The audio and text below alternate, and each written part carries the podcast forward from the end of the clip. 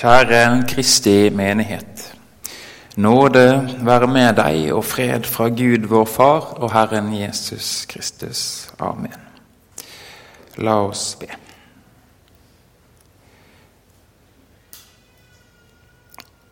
Gode himmelske Far, så takker vi deg for at du enda en gang har samlet oss i ditt hus på denne hellige dag.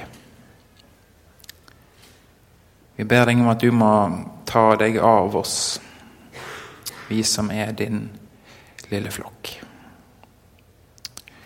Så ber vi deg for oss som er samlet her i kirkerommet, for alle som sitter hjemme i sine egne stuer. Og vi ber deg også for store og små på søndagsskolen. Herre, møt du den enkelte der de er. Det ber vi i Jesu Kristi navn. Amen.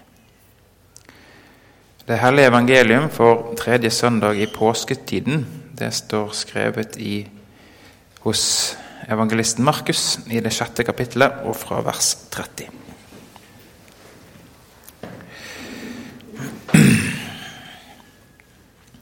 Apostlene samlet seg igjen hos Jesus og fortalte ham alt det de hadde gjort, og hva de hadde lært folket.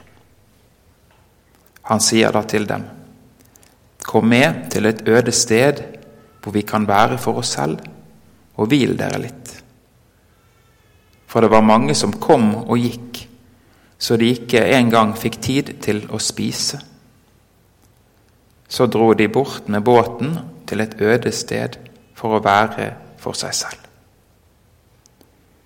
Men folket så dem dra bort, og mange kjente dem. Fra alle byene kom de nå løpende til fots, og de nådde fram før dem. Da han steg i land, fikk han se mye folk. Han hadde inderlig medynk med dem, for de var som får uten hyrde. Og han begynte å lære dem meget. Da det allerede var blitt sent på dagen, kom disiplene hans til ham og sa:" Stedet er øde, og det er alt langt på dag. Send folk ifra deg, så de kan dra bort til i bygdene og landsbyene her omkring og kjøpe seg noe å spise. Men han svarte og sa til dem, Dere skal gi dem mat. De sier til ham, Skal vi gå av sted og kjøpe brød for 200 denarer og gi dem å spise? Han sier til dem, hvor mange brød har dere? Gå og se etter. Da de hadde fått vite det, sa de, fem brød og to fisker. Han bød dem da å la alle sette seg i grupper i det grønne gresset. De satte seg så ned, flokk ved flokk, noen på hundre, andre på femti. Så tok han de fem brødene og de to fiskene så opp mot himmelen og ba velsignelsesbønnen. Så brøt han brødene og ga dem til disiplene for at de skulle gi folket. Og de to fiskene delte han ut til dem. Og de spiste alle og ble mette. Og de tok opp tolv fulle kurver med brødstykker og det som var igjen av fisken. De som hadde spist av brødene, var 5000 mann. Hellige Far, hellige oss i sannheten. Ditt ord er sannhet. Amen.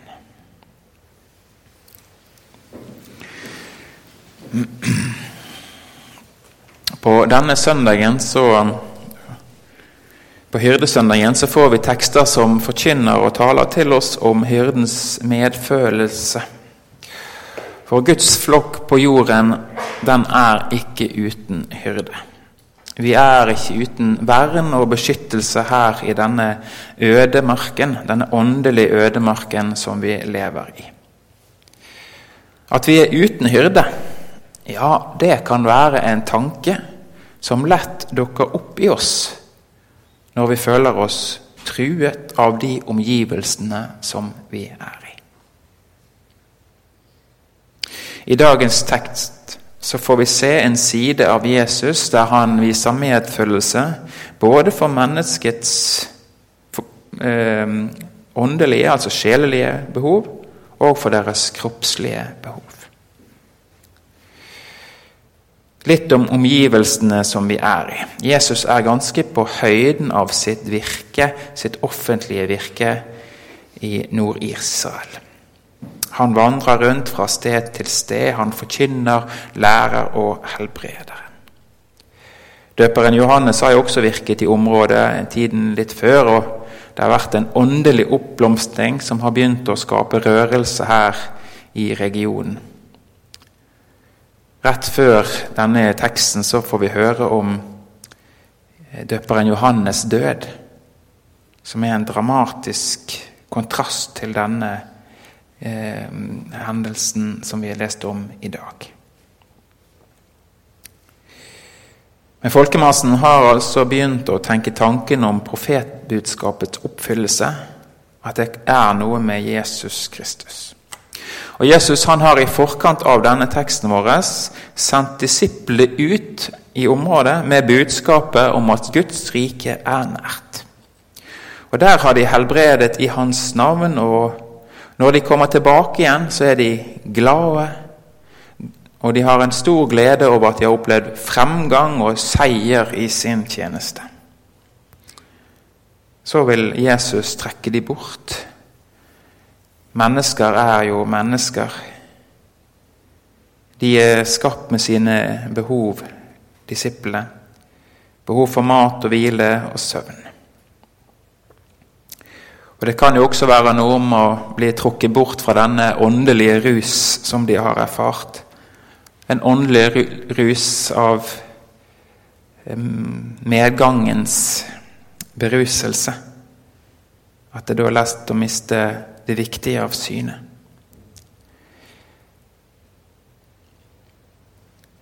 Vi vet jo dette at mennesket blir kraftløst uten mat og drikke. Både legemlig, altså for kroppen vår, og for vår åndelige eh, forstand. I denne sammenhengen, når vi tenker litt på dette med behov, så er det jo interessant å å lese hva Luther skriver om disse legemlige behov som mennesket har. Vi har jo vært borti det før her på fordypningsdagene. Dette at når han gir sjelesørgeriske råd til mennesker som opplever depresjon og mismot, ja, så gir Luther de rådet om å spise og drikke godt, sove mye, være sosial, prate, med, prate om livets små trivialiteter og morsomheter. og leke med små barn. Ja, da er det noe som kan hjelpe for at de tunge tankene ikke er så lett for til å feste seg. Den fysiske stillhet og en frivillig tilbaketrukkenhet det er også kilder til det åndelige livet. Dette kjenner vi jo til, iallfall i teorien, men jeg er nok redd at tidsåndens oppjagethet og støy frarøver mange av oss dette dype, personlige, åndelige livet sammen med vår Far og Frelser. Kallet til bønn og bibellesning i lønnkammeret på ditt stille sted. Ja, det blir lett forstyrret av stadige varsler og lyder rundt oss. Og denne uroen gjør noe med menneskets kropp og sinn. Den konstante uro gir dårlig grobunn for fordypelse og røtter. En plante som hele tiden forstyrres når den skal slå rot, vil ikke slå rot. Så enkelt er det. Vi ser mønster i Skriften hvordan den onde, de onde kreftene bruker kaos og støy til å holde folket opptatt og borte, mens Gud stadig omgjør seg med ro og stillhet. Hva sier hyrderøsten om dette inn i vår tid? Hva kan Guds folk konkret gjøre for å bevare sitt eget og sine nærmestes åndelige liv? Når konsekvensen av dette rastløse og urolige både er en dårlig syke og dårlig legemlig helse, og enda verre en åndelig ødemark, der det ikke er noen stopp ved livets kilde. Hva slags konsekvenser må dette få for oss, for å lytte til røsten fra Gud? Gud har jo laget en uke med en syklus på syv dager. En hellig skaperordning. Syvdagerssyklusen, seks dagers, hvil, nei, seks dagers arbeid og én dags hvile. Og Denne ordningen den fungerer perfekt for livet fordi den er ikke en lov, men en skapelsesordning. Og Den er det åpen for oss å praktisere. Vi er ikke lenger bundet av loven til å holde sabbaten. Men det å praktisere en ukentlig hviledag, en hellig dag, en annerledes dag, det er en velsignelsesrik kilde til et sunt legemlig, et sunt kroppslig og et åndelig, sunt åndelig liv. Alle kan praktisere dette. Sette av en dag der en kan skru av, hvile, komme avsides, bruke tid til samvær, til stillhet, til lek og glede. Dette ville vært en kraftkilde for Guds folk hvis de hadde tatt det i bruk. Og vært annerledes enn alle andre. For alle som vil gå inn i en bevisst praksis om hviledagen for seg sjøl og sin familie, så har vi mye eller mange gode eh, Mye godt å hente i de jødiske røttene, kirkens jødiske røtter. Og jeg vil varmt anbefale en kort, liten, lettlest bok om dette temaet.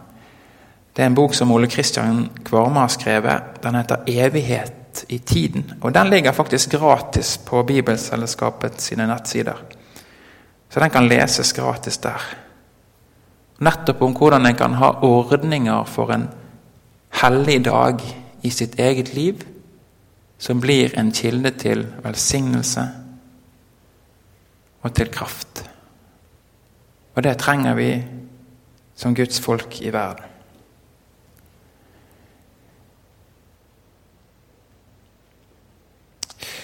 Når Jesus kommer til stedet han har tenkt for å la sine disipler hvile, så har jo folket som vi leste, fulgt etter langs land. Og folket der som en saueflokk. De søker trygghet hos gjeteren, og de holder han derfor under oppsikt. Og han så flokken som en som, eller menneskene som sauer uten hyrde, og han fikk medfølelse for de, sto det. Og en saueflokk uten hyrde, det er en sårbar flokk. Særlig sårbare er kanskje de minste og de eldste, de som er svake og ikke helt friske. Vi kan jo trekke paralleller til, til Norge, selv om sauene her og de som var i Israel på denne tid, ikke har så mange sammen, sammenfallende og like egenskaper, så vet vi at et rovdyr kan gjøre skade i en flokk hvis de får komme til. Så vet vi også at en flokk uten vakt lett kan bli utsatt for røvere. Og Israels folk de er et folk uten en hyrde som vokter dem. Og da er de i åndelig fare.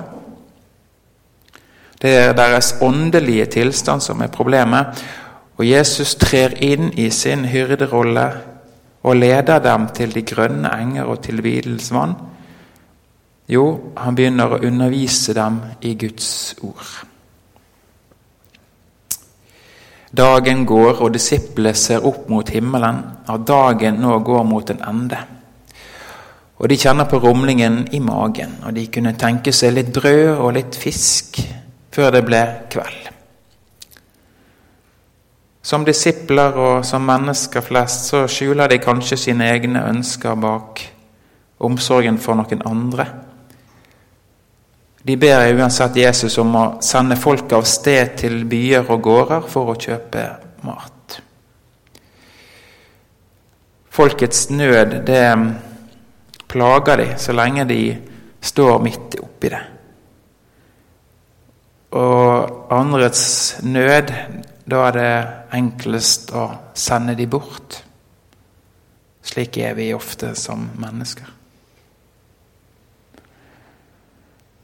Og Jesus han vil gjøre noe annet. Han vil lære dem hva som er deres kall som apostler, som utsendinger. Dere skal gi dem mat, sier Jesus. Og han taler om hva det er å være en hyrde. Hva en hyrdes oppgave er. En leders oppgave. En fars oppgave. En prest sin oppgave. En eldste sin oppgave. Du skal gi ditt folk mat. Gi dem åndelig mat. Flokkens sult kan løses på to måter. Med tvilens metode eller med troens håp. Apostlene de viser tvilens vei. Send bort problemet. Her kan vi lett kjenne oss igjen. Sette skylapper foran øynene, sier vi det gjør vi ofte i møte med andres nød. Skrur av sansene, ignorerer de andres problem og sender de bort. Ut av syne, ut av sinn. Jesus han viser troens håp, et håp som har tillit til Gud. Gud vil sørge for sine små, og hjelpen er ikke avhengig av oss, men av ham. Nå protesterer apostlet ved å legge frem dilemmaet eller saken for Jesus, gjøre det tydelig hva som er realitetene. Skal vi tømme reisekassen vår for å dekke folkets behov? Skal vi igjen stå helt på bar bakke, bruke opp 200 denarer, alt vi har, det som skal holde fremover, til å kjøpe inn brød og fisk til disse menneskene som vi kanskje ikke kjenner så godt. Hva med morgendagen, når reisekassen er tom? Og så kommer tanken Herre, våre ressurser strekker ikke til i den oppgaven som vi har fått av deg. Det strekker ikke til. Og her kan vi kjenne oss igjen. Så kommer de frem med det som de har klart å samle inn. Tolv menn her, kirkens første ledere, har klart å samle inn fem brød og to fisker. Til å mette en flokk på 5000 mann. Så står de foran Jesus, og så bak seg så har de en gigantisk flokk av sultne mennesker. Og I sine hender så har de fem små rundstykker og to brød til å mette denne store flokk. Men foran seg så har de livets ord og verdens brød. Guds håp, Jesus. For Gud er ingenting umulig, minner Skriften oss om. Og Jesus han tar disiplenes ytterst begrensede ressurser i sine hender. Så vender han seg til Gud Fader, skaperen av alt. Og så sier han frem den jødiske takkebønnen. Og han takker Gud for den Gud er. Det er det han gjør. For den som sørger for mat og frelse til sitt folk. Han minner Gud om hvem Gud er.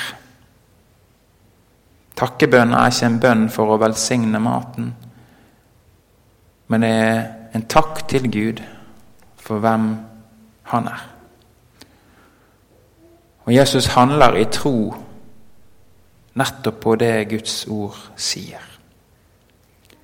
Lev i tro på Guds ord og løfte. Og Så gir Jesus de tilbake disse fem brødene og to fiskene. og Fremdeles så er det bare det. Og De bryter de i stykker, ca. et halvt rundstykke på hver.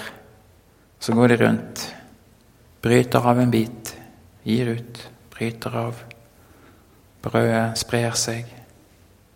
Men brødet som de deler opp fra, det blir ikke mindre. Og det sprer seg mer og mer ut gjennom folket, fra hånd til hånd.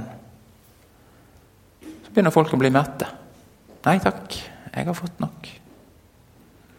Og etter at de har, alle har spist, samler de sammen brødene i disse kurvene som de har i båten, som de bruker til fisk. Og så blir det tolv fulle kurver igjen av brød og fisk. Og dele ut det lille som de hadde, blir til en velsignelse som gjør at de ender opp med så mye mer enn det som de hadde når de begynte.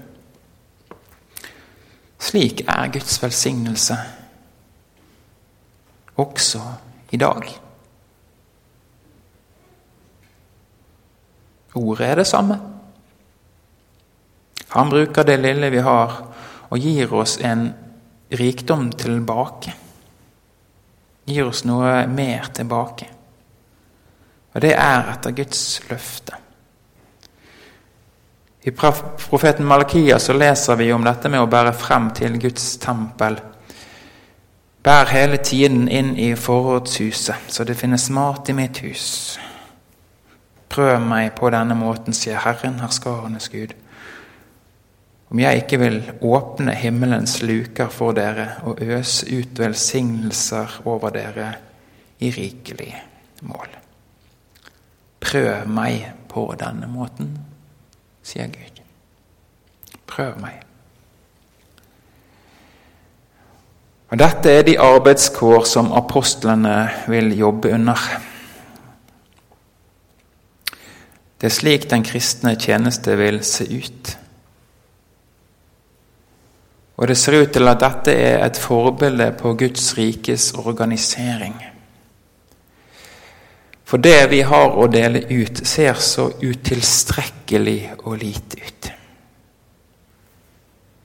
Det ser ikke ut til å være hjelp i, det hele.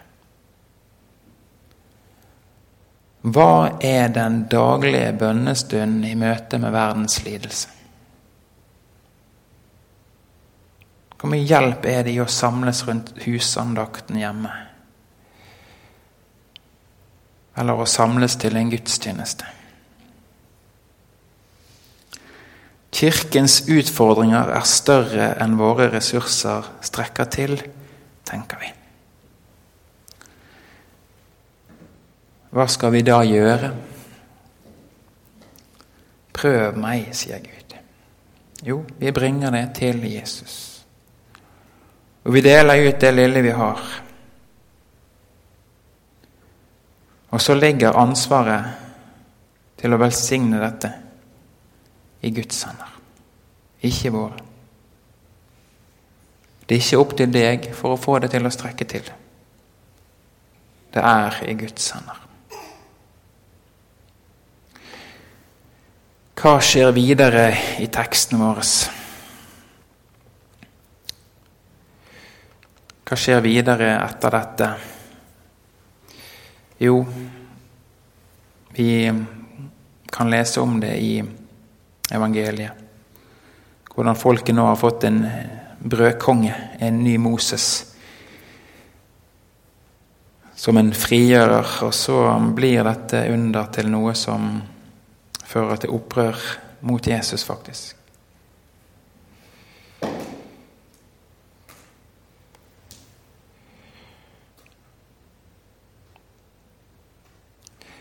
Denne teksten vi har i dag, den er til oss. Det er et under forkynt for våre ører. Og det er et løfte til deg som hører på,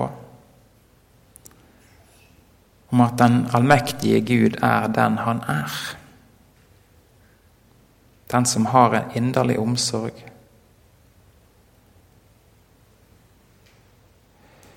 Og det er deg han ser når han får inderlig medfølelse og omsorg for folket.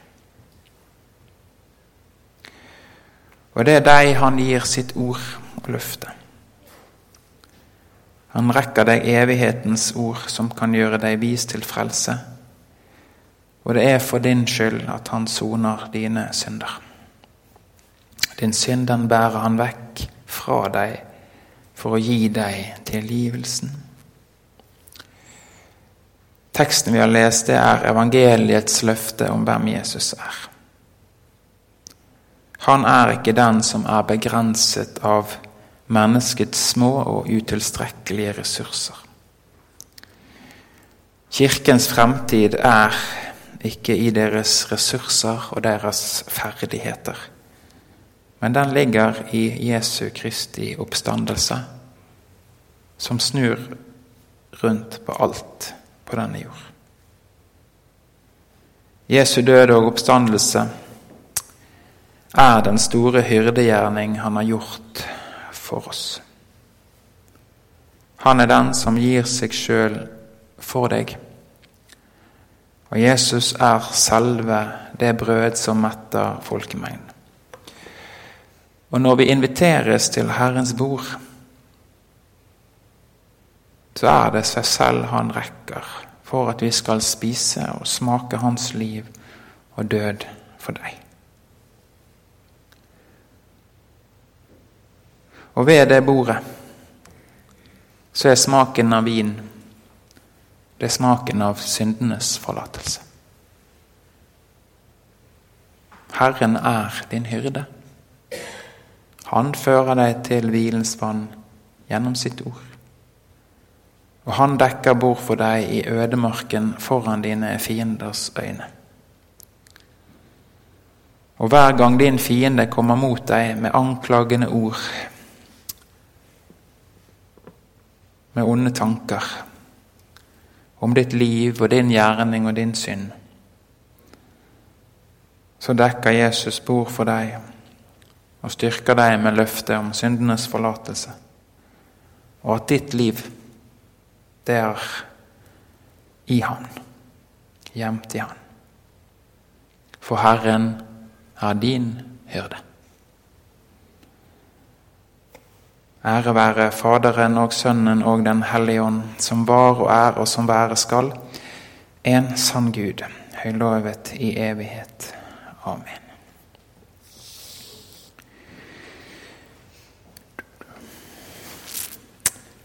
Da